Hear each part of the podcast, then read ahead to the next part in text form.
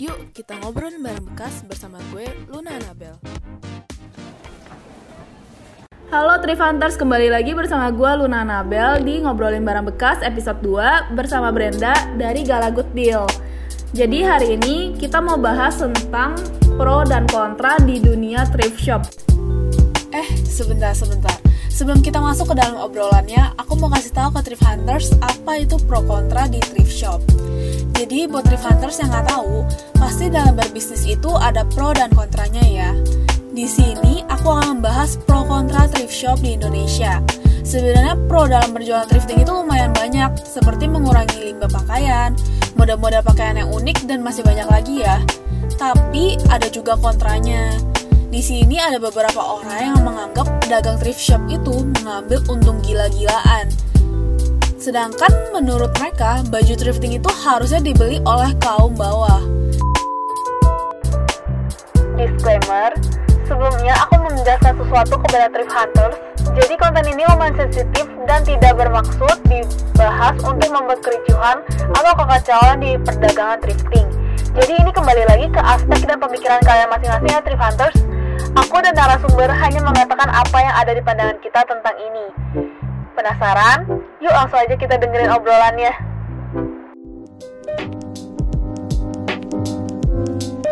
Halo Trifunters, kembali lagi bersama gue Luna Nabel di Ngobrolin Barang Bekas episode 2 bersama Brenda dari Galagut Deal. Jadi hari ini kita mau bahas tentang pro dan kontra di dunia thrift shop. Udah pernah denger belum Brand? Um, aku kayaknya waktu itu pernah lihat di story tapi cuma sekilas-sekilas sih aku nggak benar-benar baca gitu emang kenapa sih? Nah jadi yang dari aku baca lewat Twitter Hmm? Jadi tuh ada yang bilang kalau orang kaya itu nggak usah bikin thrift shop kecuali kalau itu memang barang bekas lu sendiri. Ngeborong barang dari lower class distributors dengan harga murah cuman buat dijual lebih mahal lagi is inher- inherently harmful and disrespect disrespectful. Menurut kamu gimana tuh? Menurut aku sih sebenarnya itu terserah dia nih itu opini dia. Bang pasti ada yang setuju ada yang enggak. Kalau aku sih sebenarnya gini aku simply adalah aku nggak mau ngurusin urusan orang. Jadi menurut tapi kalau misalnya disuruh tanya opini aku, opini, opini aku gini orang kaya tidak boleh buka thrift shop. Oke sekarang gini baju di Tanah Abang itu juga untuk lower class menurut aku. Nah tapi banyak kok yang jadi all shop all shop jual barang Tanah Abang di branding dan menurut aku itu nggak ada masalah. Kenapa? Em, jadi kayak seakan-akan dikotak-kotakin gitu orang mikirin orang kaya. Menurut aku sih sebenarnya semua orang boleh berbisnis sih. Itu menurut aku ya. Aku sih kurang tahu juga nih. Itu sih opini aku. Itu sih sebenarnya bukan yang gimana banget juga sih. Aku nggak nggak nggak terlalu mikirin juga sih sebenarnya. Tapi kamu sebelumnya ada pernah dengar ini lihat dari mana nih? Aku lihat di story story ada deh beberapa online shop maksudnya um, thrift store juga story tapi aku nggak baca kayak oh ya aku baca yang itu enggak aku kayak cuma oh ya sekilas ya udah gitu namanya orang beropini terserah Nah, kita lanjut ya baca ke tweetnya lagi. Ada yang ngomong di posisi aslinya ketika distributor thrift shop murah ada di pasar tradisional, target konsumen utamanya adalah masyarakat kelas bawah yang memang butuh pakaian dengan harga terjangkau. Mereka yang paling berhak untuk bisa mengakses pakaian bekas ini. Ketika pakaian-pakaian ini diborong oleh orang kaya dan di appropriate, di rebranding jadi lebih elit dan dimahalin buat profit mereka. Target konsumen berubah bergeser ke masyarakat menengah atas yang gaul di sosmed dan ke bawah sama pop, pop culture yang mempopulerkan. Hmm, gimana ya? balik lagi yang ke tadi ya sekarang gini Em, kalau misalnya dari aku sendiri aku lihat terjun langsung ke pasarnya itu barang itu bisa dibilang tidak akan habis selalu ada baru terus. Jadi istilahnya yang kayak menurut aku masyarakat bawah jadi nggak bisa dapat baju bagus tuh menurut aku nggak mungkin. Karena stok itu aku tahu setiap hari ada baru. Setiap hari buka baru. Jadi menurut aku sih nggak agak nggak masuk sih. Kalau untuk aku ya aku juga ya baik lagi ini opini aku dan itu opini dia. Jadi nggak mau nih ya sampai ada aku bikin rusuh atau apa tapi itu cuma pure opini aku Nah, dengan perkataan kayak gitu, Brand, kamu pernah nggak sih di komplain customer gara-gara barang kamu dijual mahal? Hmm, puji Tuhan banget customer aku itu nggak tipe yang nggak ini sih nggak rese sama sekali mereka kayak oh ya barang kamu masih bagus banget terus harganya terjangkau banget dan mereka senang gitu loh ada eh, mungkin untuk beberapa item itu aku ada jual mungkin hampir 200 atau di atas 200 tapi itu pun sangat jarang dan itu tuh yang benar-benar bagus banget dan menurut tuh yang kayak kalau nggak ada yang mau pun nggak apa-apa gitu aku yang beli gitu loh. Kalau mau pun ya udah dengan harga segitu ya. Kemarin itu sempat ada yang komen di post aku kayak ah aduh aku mau banget tapi harganya mahal. Maksudnya kayak harganya mahal ya gitu. Jujur itu aku nggak bales gitu loh karena menurut aku ya udah kalau misalnya emang kalau misalnya merasa mahal ya it's okay gitu loh. Tapi kalau misalnya kamu mau dengan harga itu juga oke gitu. Aku orangnya sangat fleksibel gitu. Sebenarnya sih gitu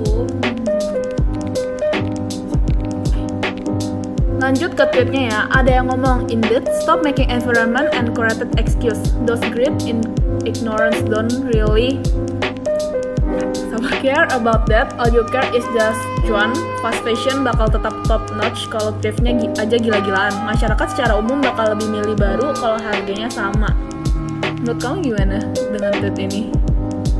gimana sorry tadi tweetnya jadi intinya apa Intinya eh, jangan pakai alasan, alasan save the planet iya untuk mengurangi limbah pakaian yang kayak gitu masyarakat umum juga bakal beli baju baru kalau harganya itu sama kayak di store baru gitu Di honest, menurut aku itu nggak ada nyambungnya dengan Save the Planet dengan harga baru dan fast fashion segala macam.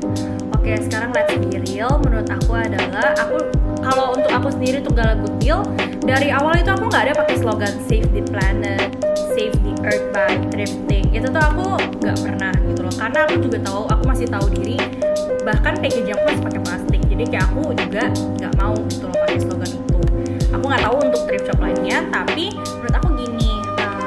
um, ya aku sih nggak pernah bikin excuse itu ya secara pribadi gitu loh kayak maksudnya ya udahlah ya udah ini opini aku itu opini dia jadi balik lagi ya udah dia mau opini apa terserah aku mau opini apa juga ya udah gitu mungkin sebenarnya gini nggak sih?